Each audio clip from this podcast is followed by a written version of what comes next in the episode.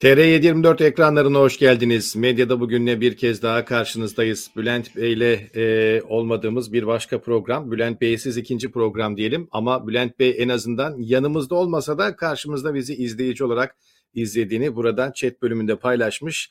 E, izleyici koltuğunda beklemek de ayrı bir heyecan demiş. Tabii ki güzel olabilir izleyici koltuğunda e, izlemek ama sizi en yakın zamanda izniniz bitince bu yan tarafa bekliyoruz Bülent Bey.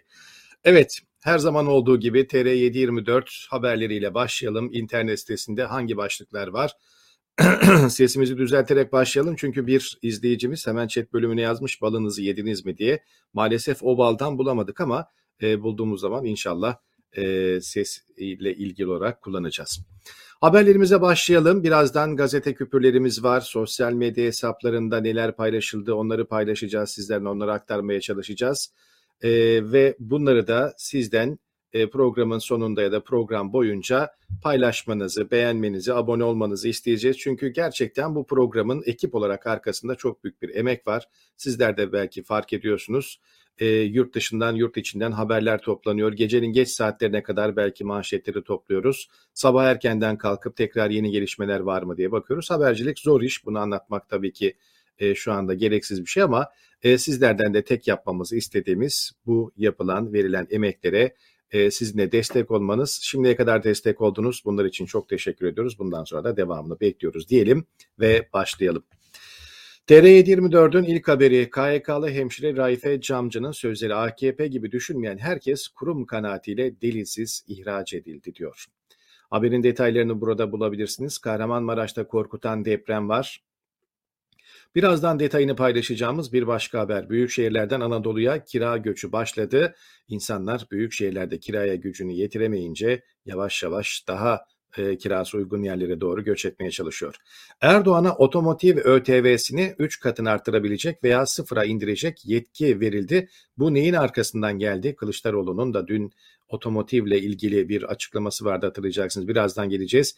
İlk Erdoğan'ın haber incelemesine bakalım. Rejim zorda 15 Temmuz'da e, bütün oklar AKP'yi gösteriyor diyordu bu yazının başlığı.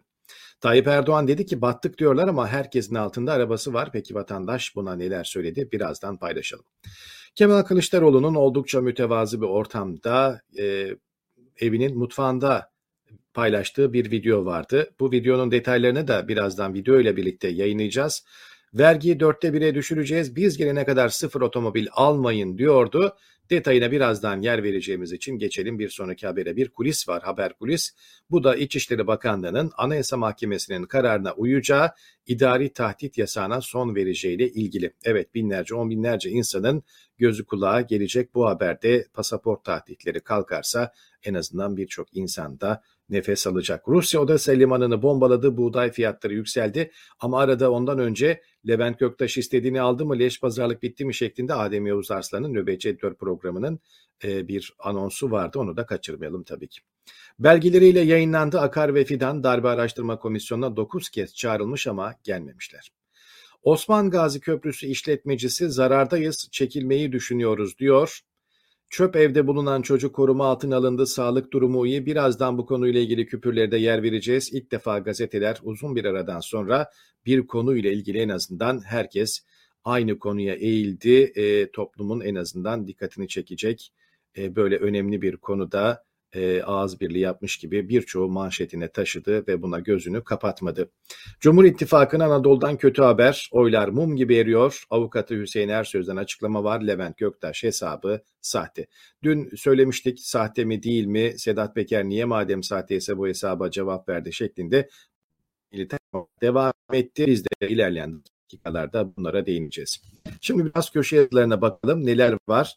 Devletin misyonu ve yönü sorunsalı Mehmet Efe Çaman'ın yazısı TR724'te bugün bulabilirsiniz. Şenlik yeni başlıyor diyor Nedim Hazar ve biraz da aslında son zamanlarda yaşanan olaylara değiniyor. Biraz yazısından birkaç cümle paylaşıp devam edelim. Sadece şu son bir haftada yaşanan hadiseler, ortaya çıkan skandallar dünyanın herhangi bir ülkesinde olsa yer yerinden oynardı. Ama Türkiye öylesine bir efsunlanma dönemi yaşıyor ki yaprak bile kımıldamadığı gibi suçlular güçlü, haklılar kabahatli durumunda yaşamaya devam ediyor. Hapishaneler dürüst ve düzgün insanlarla tıka basa doluyken arsızlar, yolsuzlar, hırsızlar dışarıda, iktidarda, ortalıkta cirit atıyor.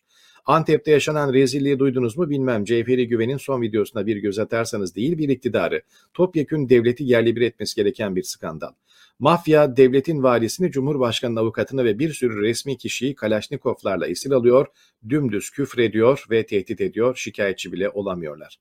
Nurettin Canikli'den bahsetmiş bir başka skandalda ve son olarak yine Hablemitoğlu cinayetinin azmettiricisi olarak bilinen Levent Göktaş adına sosyal medyada yazılanlar ve sonrasında yaşananlar. Diyor ki Nedim Azar, bir ülke düşünün ki medyası güvenliği ve adaleti tamamen felç, mafya ve çeteler suçları birer birer ortaya döküyorlar ama devlet suspus.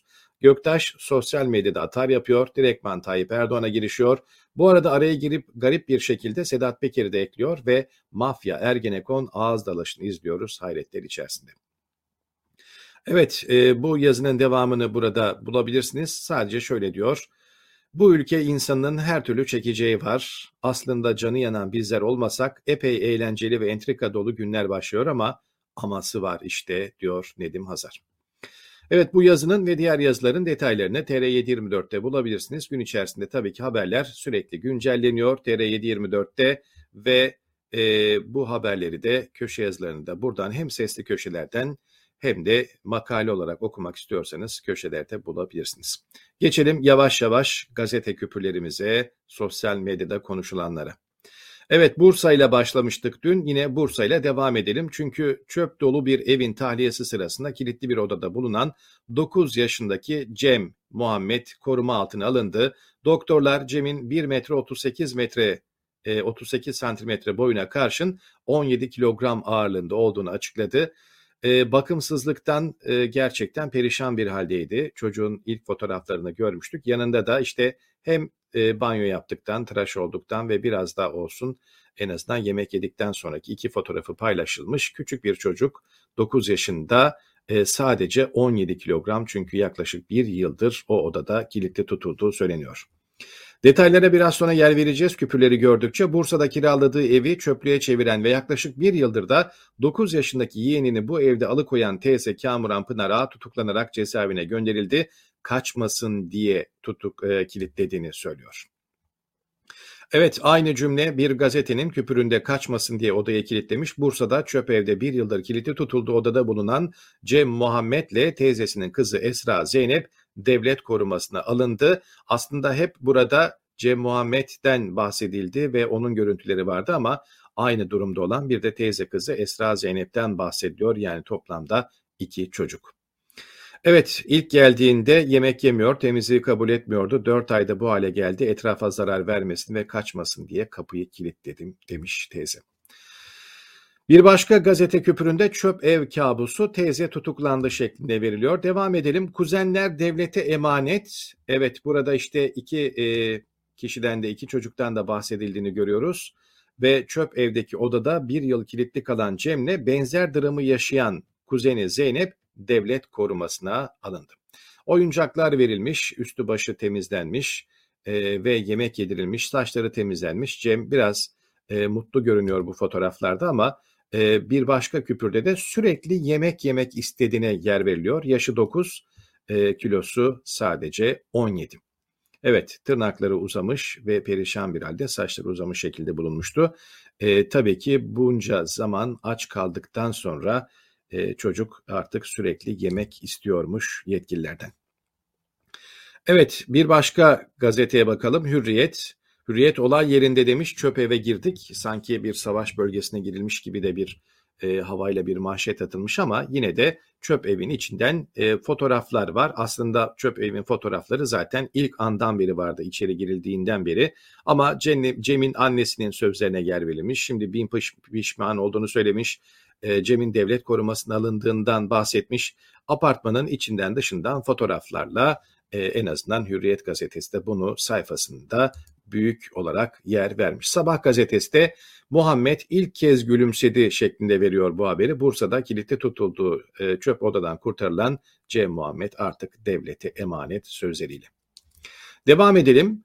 Ee, Bursa konusunda gelişme olursa ilerleyen zamanlarda belki tekrar döneceğiz ama şu anda çocuklar Eminönü'lerde E, belki annesine ne zaman kavuşacak ya da annesi alabilecek mi onu bilmiyoruz ama devlet korumasında şu anda e, ve eski haline göre çok daha iyi umuyoruz. En kısa zamanda e, toparlanır ve bu yaşadığı e, sıkıntılı dönemi atlatır.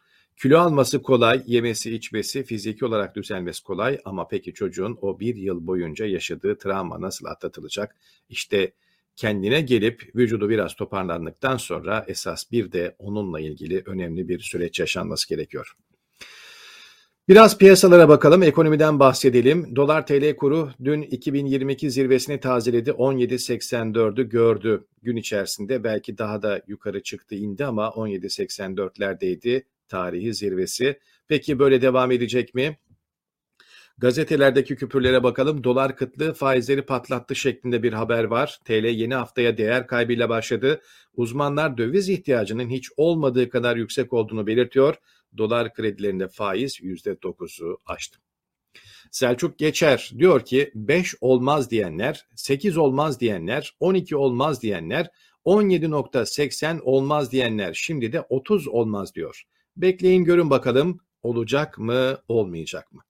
Evet yakın zaman için en azından 22 telaffuz ediliyordu. Uzmanlar, bankalar ve analistler tarafından ama bazı ekonomistler biraz daha belki ileri projeksiyonla 30 olarak da gösteriyor tahminleri. Kötümser tahminler mi, gerçekçi tahminler mi? Bunları yaşayarak göreceğiz. Evet Erdoğan'ın sözleri vardı dün. Ekonomik olarak battık diyenler var ya köprülerden arabalar, tırlar geçmeye devam ediyor. Herkesin altında arabası da var maşallah demiş e, toplumun şu anda hiç şikayet etmemesi gerektiğini, işte altınızda arabanız da var, köprülerden de arabalar geçiyor diyerek de bir örnekte bunu aktarmış. Ama vatandaşlar bu sözün altına bir sürü yorum yaptı. Ben bunlardan sadece birkaç tanesini vereyim. Bir tanesi diyor ki tuzak bu röportaj bence milleti kızdırıp hakaret ettirip tazminat koparmaya çalışıyorlar. Yani ağzımızdan geleni söylesek esas düşüncelerimizi söylesek başımıza neler geleceğini biliyoruz diyor. Tamer Yılmaz da arabam olmasını bırak alma hayali bile kuramıyorum. Yetti yol köprü masalları inşallah maşallahla olmuyor yeter yahu yeter demiş. Evet bu tepkilerin daha fazlası var ama biz vaktimiz sınırlı olduğu için devam edelim. Bir başka gelişmeye biraz sonra o araba konusuna Kemal Kılıçdaroğlu ile tekrar döneceğiz çünkü. Bir başka gazetenin haberi e, doyasıya yemek lüks oldu şeklinde İstanbul Planlama Ajansı'nın anketi vatandaşın maddi yetersizlik sebebiyle tercih ettiği gıdalardan mahrum kaldığını, yediği yemeklerin porsiyonunu bile küçülttüğünü ortaya çıkarttı. E, demek ki sarayın tavsiyelerine de yavaş yavaş kulak vermeye başladı insanlar. Çünkü saraydan ne gelmişti hatırlayacaksınız? Porsiyonlarınızı küçültün tavsiyesi gelmişti. İşte yavaş yavaş da o tavsiyeye uyulmaya başladığını görüyoruz. Evet tabii ki ironi bunlar. E, lütfen e, ciddiye alıp da buna göre mesaj yazmayın. Endişeler doları yeni zirveye taşıdı. Güven endeksinde gerileme sürüyor şeklinde ekonomiyle ilgili başlıklar görmeye yine devam ediyoruz haberlerde. Yeni Çağ yazarı demiş ki sıkı durun bu kış bu domatesi en az 40 liraya alacağız. Evet şu anda belki mevsim yaz e, sebze ve meyve fiyatları nispi olarak biraz ucuzlamış durumda her ne kadar eskisine göre çok pahalı olsa da ama kış geldikçe bu domatesi bu gördüğünüz domatesleri 40 liraya yiyeceğiz diyor Yeni Çağ yazarı. Kayseri'de esnaf İyi Partili vekile bu sözlerle dert yandı. Bismillah deyip dükkan açıyoruz, elektrik faturasıyla çarpılıyoruz. Esnaf yüksek kiradan, yüklü gelen elektrik faturasından ve peş peşe zamlar yüzünden işlerin azalmasından şikayetçi ama iktidar duymuyor. Devam ediyoruz paylaşmaya e, ve Milli Gazete diyor ki ekonomik kriz zihinleri de işgal etti. Kötü ekonomi sadece insanların ceplerini değil ruh sağlıklarını da etkilerken fakirlik endişesi de artıyor. Dün fakirlik endişesiyle ilgili e, araştırma ve daha doğrusu e, haberler vardı. Bunları paylaşmıştık. Ama gazete biraz daha farklı bir konuya yer vermiş. Türkiye 27 ülke arasında topluma en çok fakirlik endişesi yaşayan ülke olurken insanların %46'sı eşitsizlik ve fakirlik endişesi taşıyor. Sosyolog ve psikologlar yaşanan ekonomik sorunların zihinleri de işgal ettiğini belirtiyor. Peki nasıl işgal ediyor? Kaygı, endişe ve strese yol açıyor. Karamsar hisseden depresyona sürüklenebilir demiş konuştukları psikologlar gazetede. Evet insanlar zaten çok büyük bir zamandır, çok uzun bir zamandır psikologlarla, psikiyatristlerle yine kendi bu sıkıntılarından çözüm yolları arıyor. Dünyada en fazla antidepresan kullanılan ülkelerden biri olduğunu defalarca haberlerde gördük. Rakamsal olarak da hep karşımıza çıkıyor zaten. E, Türkiye'de durum bu şekildeyken ki sadece e, konu ekonomik krizde değil, insanların kaygısının, endişesinin, stresinin azalmasını beklemek gerçekten zor. Devam edelim çarşı pazarda piyasalarda neler var? Vatandaş alamıyor, pazarcı satamıyor demiş bir gazete. Niğde Altunhisar ilçesinde vatandaşın alım gücünün daraldığını işaret eden pazarcı esnafı satış yapamamaktan yakındı. Alışverişe gelen vatandaşlarsa fiyatların yüksek olmasından şikayetçi. İhtiyacımızın bir kısmını alıyorsak bir kısmını alamıyoruz demiş. Vatandaşlar ve filelerin doldurulduğu eski günleri mumla aradıklarını söylüyorlar. Evet. Peki o fileler nasıl olacak? Tabii ki işte değişik değişik böyle çözümler var. Dar gelirliler için mini karpuz haberini görüyoruz. Osmaniye'de fen bilgisi öğretmeni Abdullah Tabur alım gücü düştüğü için karpuz yiyemeyen vatandaşlar için sadece 250 gram ağırlığında karpuz türü geliştirmiş. Evet koskoca karpuza gücünüz yetmiyorsa en azından karpuz tadına bari en azından aşina olun e, uzak kalmayın şeklinde bir düşünceyle geliştirmiş 250 gramlık karpuzlar. Bunların acaba benzerleri de olacak mı? Başka başka şeyler de olacak mı? Onları da göreceğiz ama en azından şimdilik karpuzu görüyoruz. Dar gelirli için mini karpuz haberi. Türkiye gazetesinde hemen logonun üzerinde gördüğümüz bir haber vardı. Üst başlıkta piknik engeli satışları bıçak gibi kesti. Mangal yasakları tavuğu ucuzlattı deniyor. Evet Kurban Bayramı'nın arkasından piknik yasağı gelince tavuk %60 ucuzladı. Evet bu da güzel bir haber olarak verilmiş. insanlara bir müjde olarak veriliyor. Ee, hem Kurban Bayramı yaşandı hem de ormanlara giriş yasaklanınca piknikle birlikte tavuk satışları da azaldı. Azalınca da fiyat ucuzladı. İşte e, Türkiye'de yaşanan bir başka tablo. Yazlıklar artık kışlık oluyormuş. Tabi bu görüntüdeki yazlıklardan mı bahsediliyor? O da ayrı bir konu ama bu yazlıklarda oturanların kışlığı olmaz mı? Yazlık sahipleri kiralar ve konut fiyatları artınca evlerini dört mevsim kullanmaya karar vermişler. Yazlıkta kış aylarında da kalanların sayısı geçen yıla göre %12 arttı. Bu artış da pandemide etkili oldu. İnsanlar yazlığını tabii ki kiraya veremeyecekse normal kışın oturduğu insanlar evlerini kiraya verip belki yazlıkta vakit geçirmeye çalışıyor en azından bir kira geliri olsun diye bu da bir formül. Evet e, Ömer Ekinci'nin bir tweet'i vardı sosyal medyada. Kiraya vermek istediğimiz bir evimiz var. Dün emlakçı aradı. Söylediklerini aynen yazıyorum. Evinizin kira değeri 6500 ama yabancıya kiralarsak 10 bin lira ve bir yıllık peşin ödettiririm kirayı. Diyor ki Ömer Ekinci, emlakçılar kontrol altına alınmadığı sürece Türk vatandaşlarının ev bulması zor.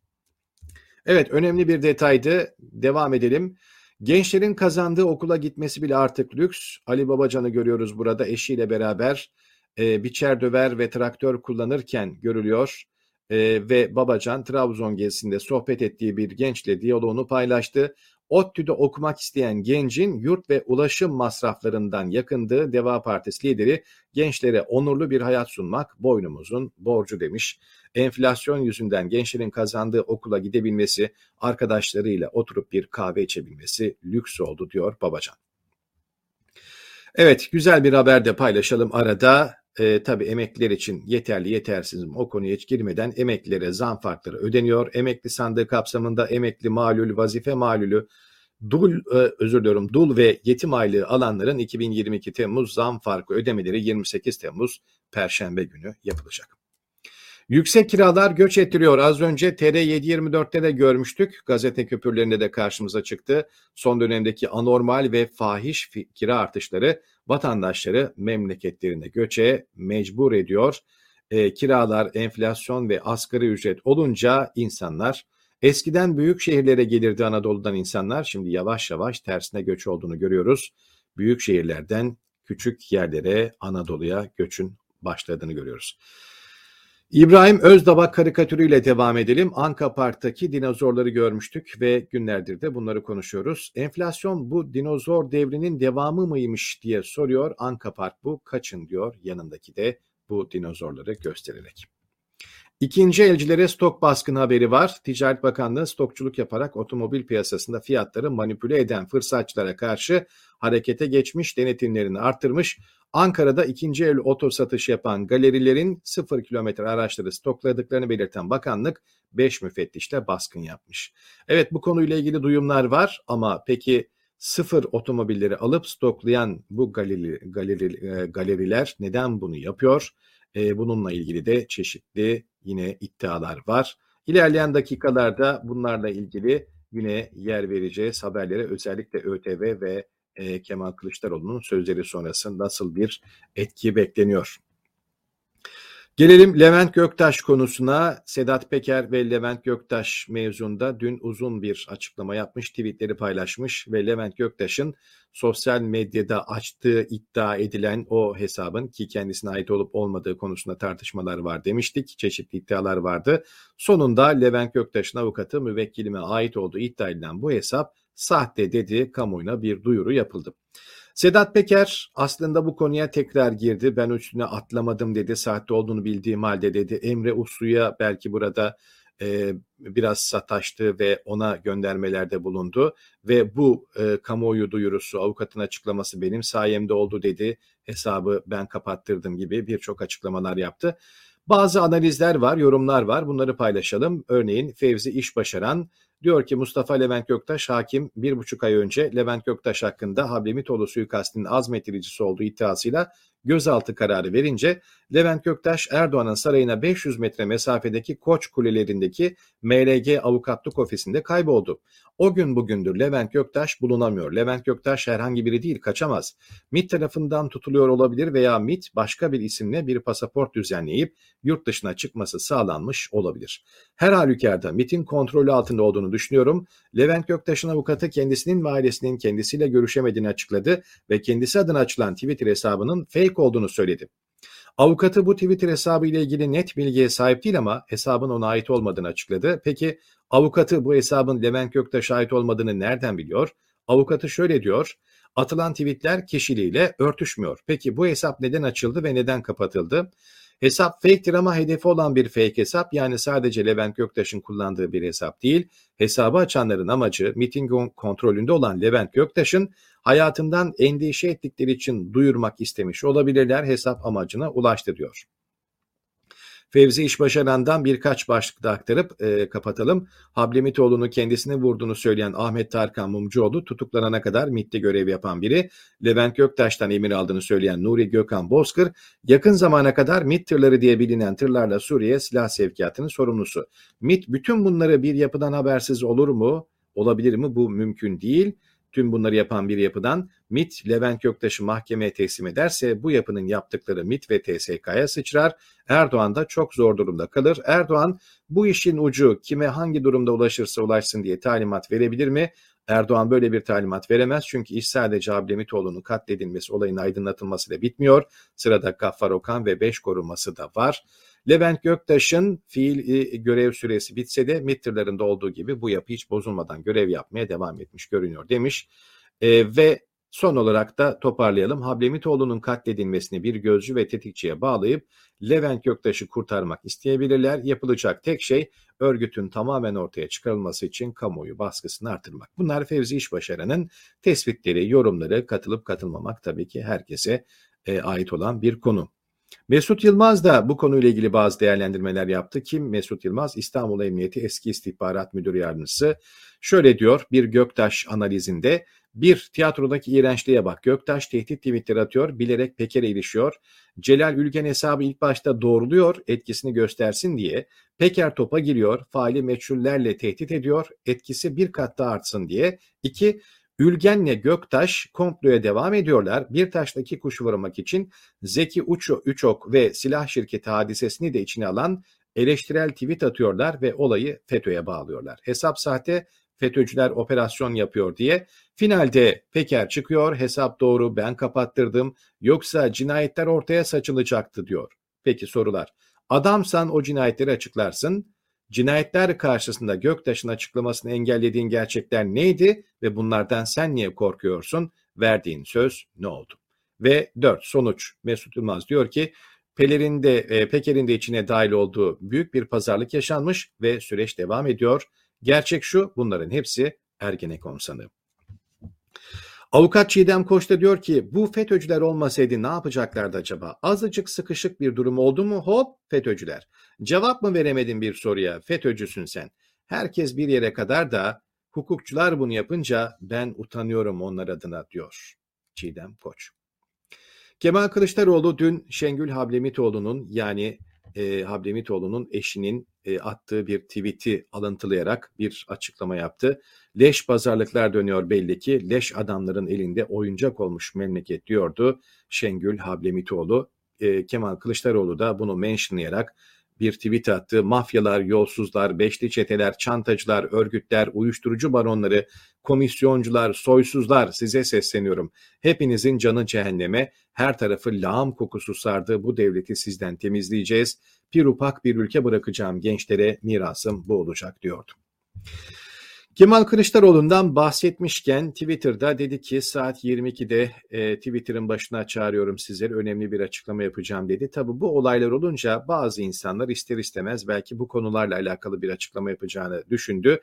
Kemal Kılıçdaroğlu oldukça o mütevazı evinde mutfağında bir video paylaştı ve bu kez video biraz daha farklı bir konudaydı. Birkaç ay daha almayı ertelerseniz Bay Kemal olarak sözümdür ikinci el araba parasına sıfır araba aldıracağım sizlere dedi. O videodan bir bölüm izleyelim sonra devam edelim dilerseniz. İşte bugün ivedilikle yapacağımız bir iyileştirmeyi hatırlatmak ve kritik bir çağrı yapmak için sizleri mutfağıma davet ettim. Bugün otomobil vergileri konusunu açıyorum. Özellikle ÖTV. Türkiye'de bir araç alırken dünyanın en yüksek araç alım vergisi olan ÖTV'yi ödüyoruz. Yetmiyor. Aracın bedeliyle birlikte bu verginin de vergisi olarak alınan %18 KDV ödüyoruz. Üstüne gümrük vergisi ödüyoruz. Üstüne motorlu taşıtlar vergisi ödüyoruz. Bu kadar vergi nedir Allah aşkına? Bakın Almanya'da 15 bin avro olan sıfır bir aracın fiyatı bizde vergilerle 500 bin lirayı aşıyor. Benim milletim Almanya'daki otomobilin tam iki katını ödüyor. Nüfusumuzun yüzde 95'inin sıfır araç alma ihtimali artık kalmadı. Şimdi açıkça çağrı yapıyorum. İlk yapacağımız işlerden biri bir altı motor otomobillerde vergileri bugünün yaklaşık dörtte biri oranla indirmek olacak. Biliyorsunuz gençlerin ilk sıfır araba almaları için ÖTV yok demiştim. O vaki. Hafif ticari araçlarda da vergileri indireceğiz. Özetle bugün ikinci el olarak satılan arabanın parasıyla sıfır araba alabileceksiniz. Tek yapmanız gereken şimdilik araba alımını ötelemek ve kısa bir süre iktidarımızı beklemek. Bu kadar. Ailenizle sıfır araba kokusu olan araçlara bineceksiniz. Bu arabalar sizlerin de hakkıdır. Altını çizeyim. Bu bahsettiğim uygulama lüks araçlar için olmayacak. Açık konuşayım. Zenginin, çok kazananın vergilendirilmesi taraftarıyım. Bu ülkede çok kazanan, fakirin, fukaranın hayatının iyileşmesi için de Beytülmal'e katkıda bulunmak zorundadır. Saray yoksuldan aldı, varsıla, sermayeye verdi. Ben bu parayı yeniden yoksula transfer etmek için lüks tüketimden vergi alma taraftarıyım. Evet video böyle e, güzel de bir başlık var altında patron çıldırdı vergileri indireceğim diye arkadaşlarımız da güzel bir başlık kullanmışlar. E, Birçok insanın hayali tabii ki otomobil almak hele hele sıfır otomobil almak bambaşka bir konu. E, ben burada tabii ki chat bölümünden de bir taraftan bakmaya fırsatım olursa bir soru sormak istiyorum. Acaba en son bizi izleyenler o Kemal Kılıçdaroğlu'nun dediği sıfır Yani yeni araç kokan otomobile ne zaman bindiler? En son sıfır otomobillerini ne zaman aldılar? Yakın zamanda sıfır otomobil almanın çok zor olduğunu biliyoruz. Ama Kemal Kılıçdaroğlu biraz daha bekleyin, otomobil almayın. Biz iktidara geldiğimizde en azından halk tipi 1.6 e, belki daha düşük e, motor hacmine sahip olan araçlar için ÖTV'yi dörtte bir oranında indireceğiz sözünü verdi. Evet, e, bununla ilgili olarak da e, az önce de aktardık. Yapacağımız ilk işlerden biri 1.6 motor otomobillerde vergileri bugünün yaklaşık dörtte bir oranında indirmek olacak demişti. E, ama Mahfi Eğilmez ekonomistlerden de bazı e, en azından uyarılar var. Diyor ki Mahfi Eğilmez, muhalefet için şu an en tehlikeli şey popülizme sapmaktır. Türkiye'nin sorunu asgari ücretlinin, düşük gelirlinin, emeklinin geçinebilecek gelirinin olmamasıdır. Arabada ÖTV'nin düşürülmesi sorunlar sıralamasında çok gerilerde kalır diyor. Evet tabii ki önemli insanların ev araba hayali belki de en temel belki ihtiyaçlar arasında olduğu için de hayalde olmaması gereken herkesin sahip olması gereken bir ihtiyaç ama insanların ekmek kuyruklarında olduğu bir memlekette pazar yerlerinde pazar kapandıktan sonra e, kullanılmayan atılan ya da çürük olduğu için oralarda bırakılan e, pazardan sebze meyveyi toplayanların olduğu bir ülkede e, gerçekten ÖTV konusu ne kadar öncelikli bu da ayrı bir tartışma konusu. Katılan var, katılmayan var ama muhalif e, en azından Mahve Eğilmez gibi düşünen ekonomistler de var. Çok çok daha öncelikli sorunlarımız var. Bunlar biraz daha arka sıralarda diyor. Kılıçdaroğlu'nun çağrısının ardından ne oldu? Otomobilde, otomotivde ÖTV değiştirme yetkisi Cumhurbaşkanı'na geçti. Bakalım Kılıçdaroğlu'nun bu çağrısından sonra Erdoğan bu yetkisini kullanarak e, ÖTV'de herhangi bir indirim yapacak mı? Bunu da göreceğiz. Tabi sadece indirim değil, değiştirme deyince e, bindirim yetkisinde olduğunu da söylemeden geçmeyelim. Devam ediyoruz. Ne sıfırı ikinci el bile zor aldık diyor izleyenlerimiz. Ee, evet Mutfaktan çık demeyin. Mahmut Bey de oradan yapıyor alınabilir şeklinde. Bülent Bey de sağ olsun oradan destek vermiş. Ev mutfaktan yayın yapmak e, şu sıralar oldukça popüler demek ki. Kemal Kılıçdaroğlu ile birlikte biz de mutfaktan yapıyoruz yayınlarımızı.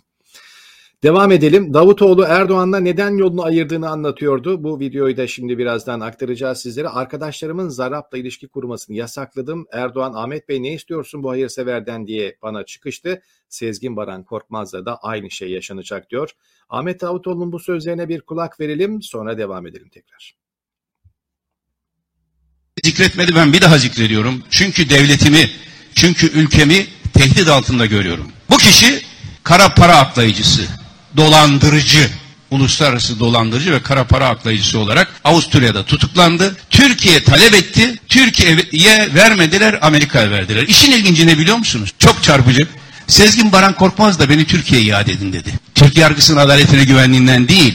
Nasıl olsa Türkiye'de benim beslediğim, benim kaynak aktardığım, benimle işbirliği yapan yöneticiler var. Onlar beni kurtarır diye. Ama Avusturya bunu, bunu Amerika'ya verdi. Utah'ta mahkemeler başladı. Aynen Rıza Zarrab gibi. O zaman Rıza Zarrab'ı gördüğümde, başbakan olarak ilişkilerini gördüğümde bakanlar kurulunda bakanlarımıza söylemiştim. Hepsi şahit. Bu adamla hiçbirinizin resmini görmek istemiyorum demiştim. Çünkü hala bakarsanız görürsünüz bir resmi vardı. Böyle dolarları koymuş koymuş yanında poz veren bir resmi. Helal para öyle gösterilmez. Ben bunu dedim diye de Sayın Cumhurbaşkanı ne istiyorsunuz bu hayırseverden demiştim size. Bakın işte hayırseveri gördük. Amerika'da şu anda hayırsever Amerika'da keyif sürüyor.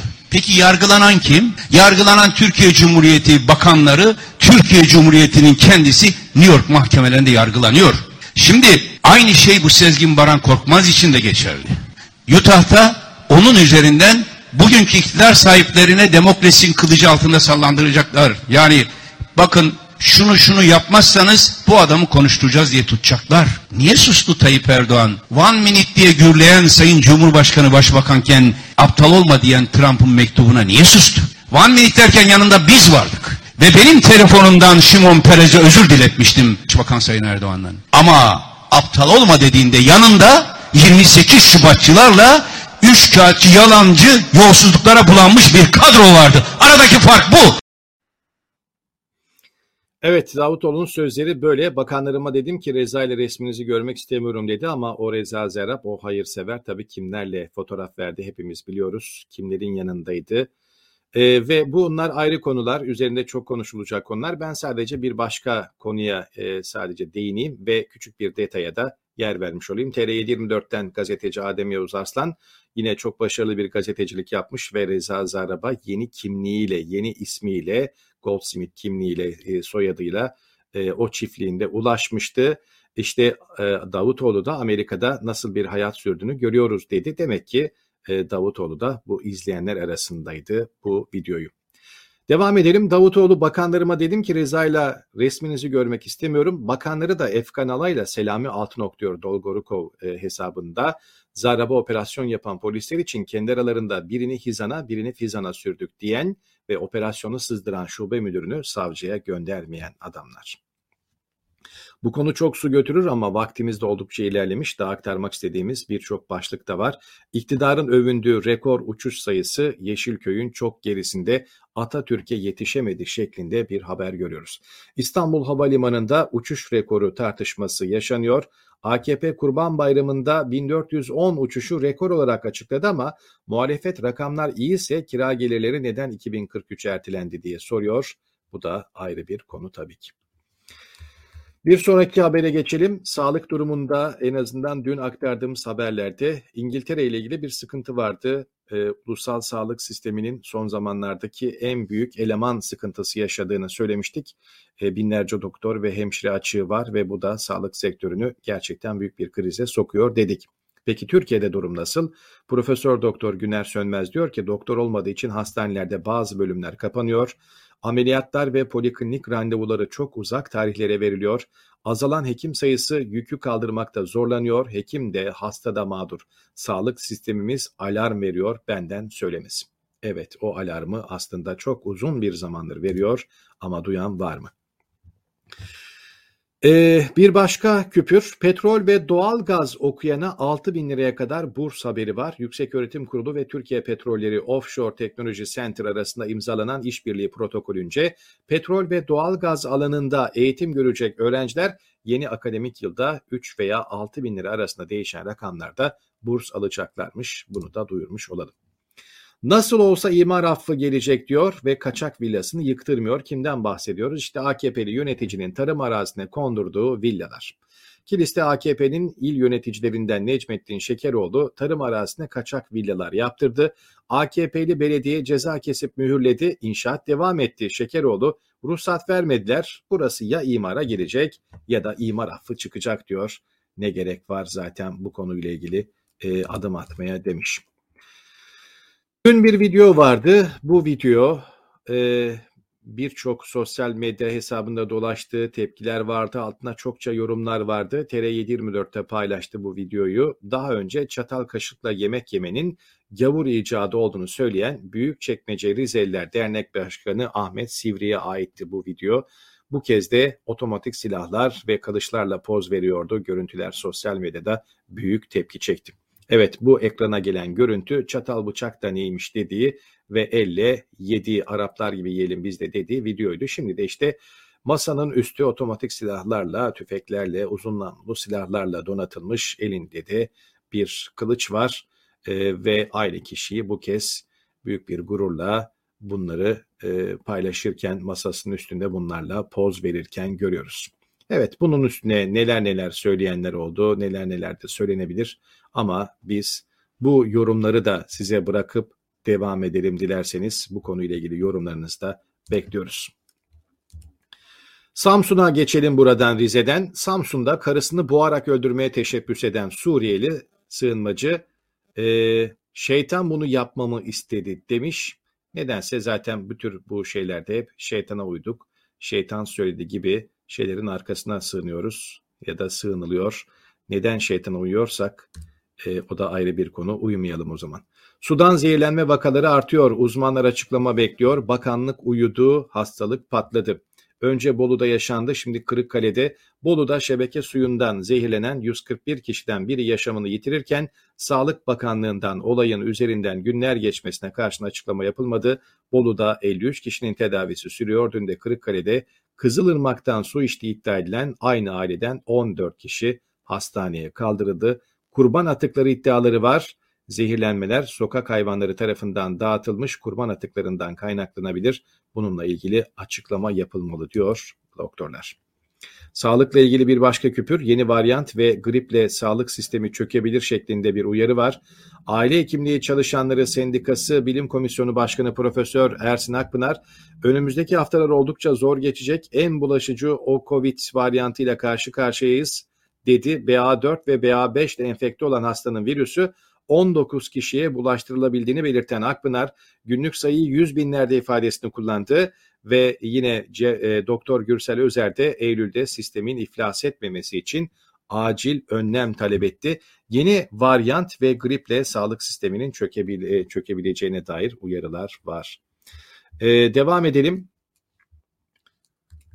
Bir başka haber, e, Askeri Öğrenci Komitesi üzerinden biraz vakit geçti ama dün sosyal medyada 1 milyon izlemeyle ilgili bir duyuruları vardı. Ben de onu paylaşmak istedim. 1 milyon izlenmeye 1 milyon teşekkür dedi Askeri Öğrenci Komitesi. Desteklerinizle Mavi Otobüs 1 milyonu geçti izlenmesi paylaşılmasında emeği geçen herkese teşekkür ederiz. Askeri öğrenciler masumdur diyordu komite. Hakkari'de düğünde geline 5 kilo altın, damada da 5 milyon lira takıldı. İşte bu tür haberlerde bazen hem magazin gibi hem de başka tabii ki olayın başka boyutları, başka tarafları da var ama e, böyle ilgi çekiyor. Oldukça fazla paylaşılan haberler arasında olduğu için ben de aldım. E, birisi de demiş ki kimse de sormuyor bu değirmenin suyu nereden geliyor, nasıl takılır bunca şey diye. Fabrika yok, iş merkezi yok, tarım yok, hayvancılık yok denecek kadar az bir kuyumcu açılabilecek kadar altını bu insanlar hangi gelirle almış, nasıl takmış? Tabi sadece altın değil, geline takılan 5 kilo altın kadar damada da 5 milyon lira takılmasını da tabii ki eklemek lazım. Bu konuyla ilgili de çok çok yorum vardı. Bu haberlerin altında bunları gidip herkes bakabilir. Evet boğucu sıcaklardan sonra suda boğulma ile ilgili de tavsiyeler görmeye başlıyoruz. Ee, yine bir gazetede suda hayat kurtaran tavsiyeler şeklinde bir haber vardı. Eğer bizi izleyenlerden suya girecek herhangi bir yerde suda serinlemeyi düşünecekler varsa biz de en azından bu konuyla ilgili e, göl ve akarsularda yüzeceklere önerileri aktarmış olalım. Tok karına yüzmeyin, denizde köpüren yere girmeyin, rip akıntılarına karşı dikkatli olun. E, akıntıya kapılırsanız sahile doğru değil yanlara doğru yüzün. Akarsular tehlikelidir. Sulama kanallarında, barajlarda veya göletlerde yüzmeyin. Hiç kimseyi habersiz suya itmeyin şeklinde bazı tavsiyeler var. Yaz aylarında özellikle hep üzücü haberler gelir. Göletlerden, akarsulardan, denizden ve Şile gibi özellikle tehlikeli yerlerden aman bu yazda en azından böyle bir haber görmemiş olalım. Devam ediyoruz. Dış haberlere biraz bakarak toparlayalım ve hızlıca e, kapatmaya çalışalım. Gazprom'dan e, bir haber geldi. Rusya enerji devi Gazprom Almanya'ya gönderdiği doğal gaz miktarını daha da azaltacağını söyledi. Zaten Almanya, Fransa gibi Avrupa ülkelerinde bu kış nasıl geçecek şeklinde yavaş yavaş e, başlayan bir e, tedirginlik var. Ama o tedirginliğin ötesine tabii ki alınan tedbirleri görüyoruz. Enerji konusunda e, tasarruflar ve halka yansıyan kısımlarıyla bazı tedbirler var. AFP ajansından geçen de bir güncelleme vardı. Burada da Gazprom çarşamba gününden itibaren kuzey yakın boru hattı üzerinden günlük gaz dağıtımını boru hattı kapasitesinin yaklaşık %20'sine indirdiğini söyledi. Yani yarından itibaren gerçekten kapasitede müthiş bir e, düşüş olacak Avrupa'ya akan gazla ilgili olarak. Bu konu Financial Times'ın manşetine bile taşınıyor. Bakın Rusya'nın e, Kuzey Akım e, kanalından gelen o gazı kesmesiyle ilgili Avrupa'daki endişelerin ve korkunun arttığıyla ilgili. AFP'den bir başka haber paylaşalım. Rusya Şubat ayında Ukrayna işgal ettiğinden bu yana Avrupa ülkeleri neredeyse 6 milyona yakın mülteciyi kabul etti Ukrayna'dan gelen. Ama bu yükselen enflasyon özellikle Avrupa ülkelerinde de son zamanlarda alışılık alışıldık olmayan bir enflasyon oranı mültecileri yerel halktan sanki kaynak alıyormuş gibi gösteren dezenformasyonu besleyen ekonomik korku duygusu yarattı diyor haber. Yani insanlar enflasyonun artmasında sanki gelen mültecilerin bizim kaynaklarımızdan da besleniyorlarmış gibi bir algıya sebep olmasına yol açtı. Bu da dezenformasyonu da tabii ki kolaylaştırmış oluyor. Benzer şeyler Türkiye'de yok mu? Türkiye'de de tabii Suriyelilerin ya da gelen mültecilerin Türk halkının ekmeğini yediğine yönelik bir hava esiyor, estiriliyor. Biden e, bir resesyona girmeyeceğiz şeklinde bir açıklama yaptı. Tabii ki piyasalar kapandıktan sonra geldi bu açıklama. Biden da şu anda e, zaten korona dolayısıyla izolasyonda ve e, bu açıklamayı da kameralar karşısında yapmadı ama ilerleyen günlerde bunun etkileri ya da yorumları da olacaktır resesyon konusunda. Tunuslular Cumhurbaşkanlara e, neredeyse sınırsız yetki verecek referandum için sandık başına gitmişler. Çok kısa bir yorumla kapatalım ki zaten genelde herkes de herhalde aynı şeyi söyleyecektir. Verin bakalım yetkiyi, görürsünüz etkiyi. İngiltere'de başbakan adayları Sunak ve Truss'ın ilk kez baş başa tartıştığı canlı yayında ekonomik vaatler öne çıktı. Ee, bakalım bu yarışı kim e, önde götürecek ve İngiltere'nin başbakanı kim olacak? Maymun çiçeği virüsüne karşı Hollanda'da aşılama başladı. Yavaş yavaş artık e, monkeypox ile ilgili bu aşılama maymun çiçeği ile ilgili e, Avrupa ülkelerinde de gündeme gelecek. Bazı aşılar onaylanıyor. Bu onaylanan aşılar e, artık yavaş yavaş belki piyasaya çıkacak. Bir haber aktaralım. Ee, Eurovision şarkı yarışması ile ilgili biraz hem magazin biraz daha hafifletmiş olalım gündemin artık yükünü. İngiltere'nin ev sahipliği yapacağı açıklanmış 2023 Eurovision şarkı yarışmasına. Normalde geçen yılın birincisi Ukrayna'ydı. Rusya'nın işgalinin ardından başlayan savaş nedeniyle Eurovision'a ev sahipliği yapamayacağına kararı verilmiş ve o yüzden de İngiltere ev sahipliği yapacakmış. Eurovision deyince tabii ki yıllar öncesinden artık Türkiye bu e, yarışmaya girmekten vazgeçti. Artık zaten bu yarışma Türkiye'yi çok ilgilendirmiyor ama Türkiye'nin de yer aldığı bir zaman dilimini hatırlamıştır belki bizi izleyenler. Eurovision şarkı yarışmasında Türkiye'nin de dereceleri aldığı ve yine e, güzel skorlar elde ettiği e, bir e, belki mazide kalan bir hatıra olarak da gözümüzde canlanıyor Eurovision deyince. Güzel bir haberle kapatalım. En azından bir güzel gelişme. Dün hatırlayacaksınız bir Japon vardı Yoshi Enomoto ve ikamet izni alamadığını ve bu konuyla ilgili de sıkıntı yaşadığını söylemişti. Sebebi ise Cumhurbaşkanı Erdoğan bir atasözü kullanmış. Japon atasözü der ki diyerek bir cümle kullanmış ve Yoshi de e, ben e, internete de baktım, Japon atasözlerine de baktım. Böyle bir Japon atasözü yok demişti. İşte bundan sonra biraz başı belaya girdi Yoshi'nin. Ama dün güzel bir gelişme olmuş. Diyor ki ikamet izni alabildim. Sevdiğim Türkiye'de ve sizlerin arasında kalabileceğim için çok çok mutluyum. Sıcak yorumlarınız ve mesajlarınızla hep beni desteklediğiniz için teşekkür ederim. Ayrıca bu süreçte bana yardımcı olan İstanbul Göç İdaresi'ne de teşekkür etmek istiyorum demiş Yoshi. Evet e, aramıza tekrar hoş geldin diyelim Yoshi'ye. E, güzel tweetlerle yine e, bizimle birlikte olmasını diliyoruz. Sosyal medyada oldukça aktif ve popüler isimlerden bir tanesi Yoshi. Bu haberle birlikte noktalayalım. Yorumlarınızı okumak için gerçekten çok fazla vaktimiz olmadı e, ama bir taraftan da sanıyorum Bülent Bey de zaten e, bir izleyici olarak bu yorumların bir kısmına cevap veriyor şu anda. Biz de yayından sonra en azından ben e, bunlara bakma fırsatı bulacağım. Yarın aynı saatte tekrar birlikte olabilmek dileğiyle iyi seyirler dileyelim. Hoşça kalın diyelim ama desteklerinizi, beğeninizi paylaşma ve abone olma konularını da hatırlatalım bir kez daha. Yarın tekrar görüşünceye dek hoşça kalın.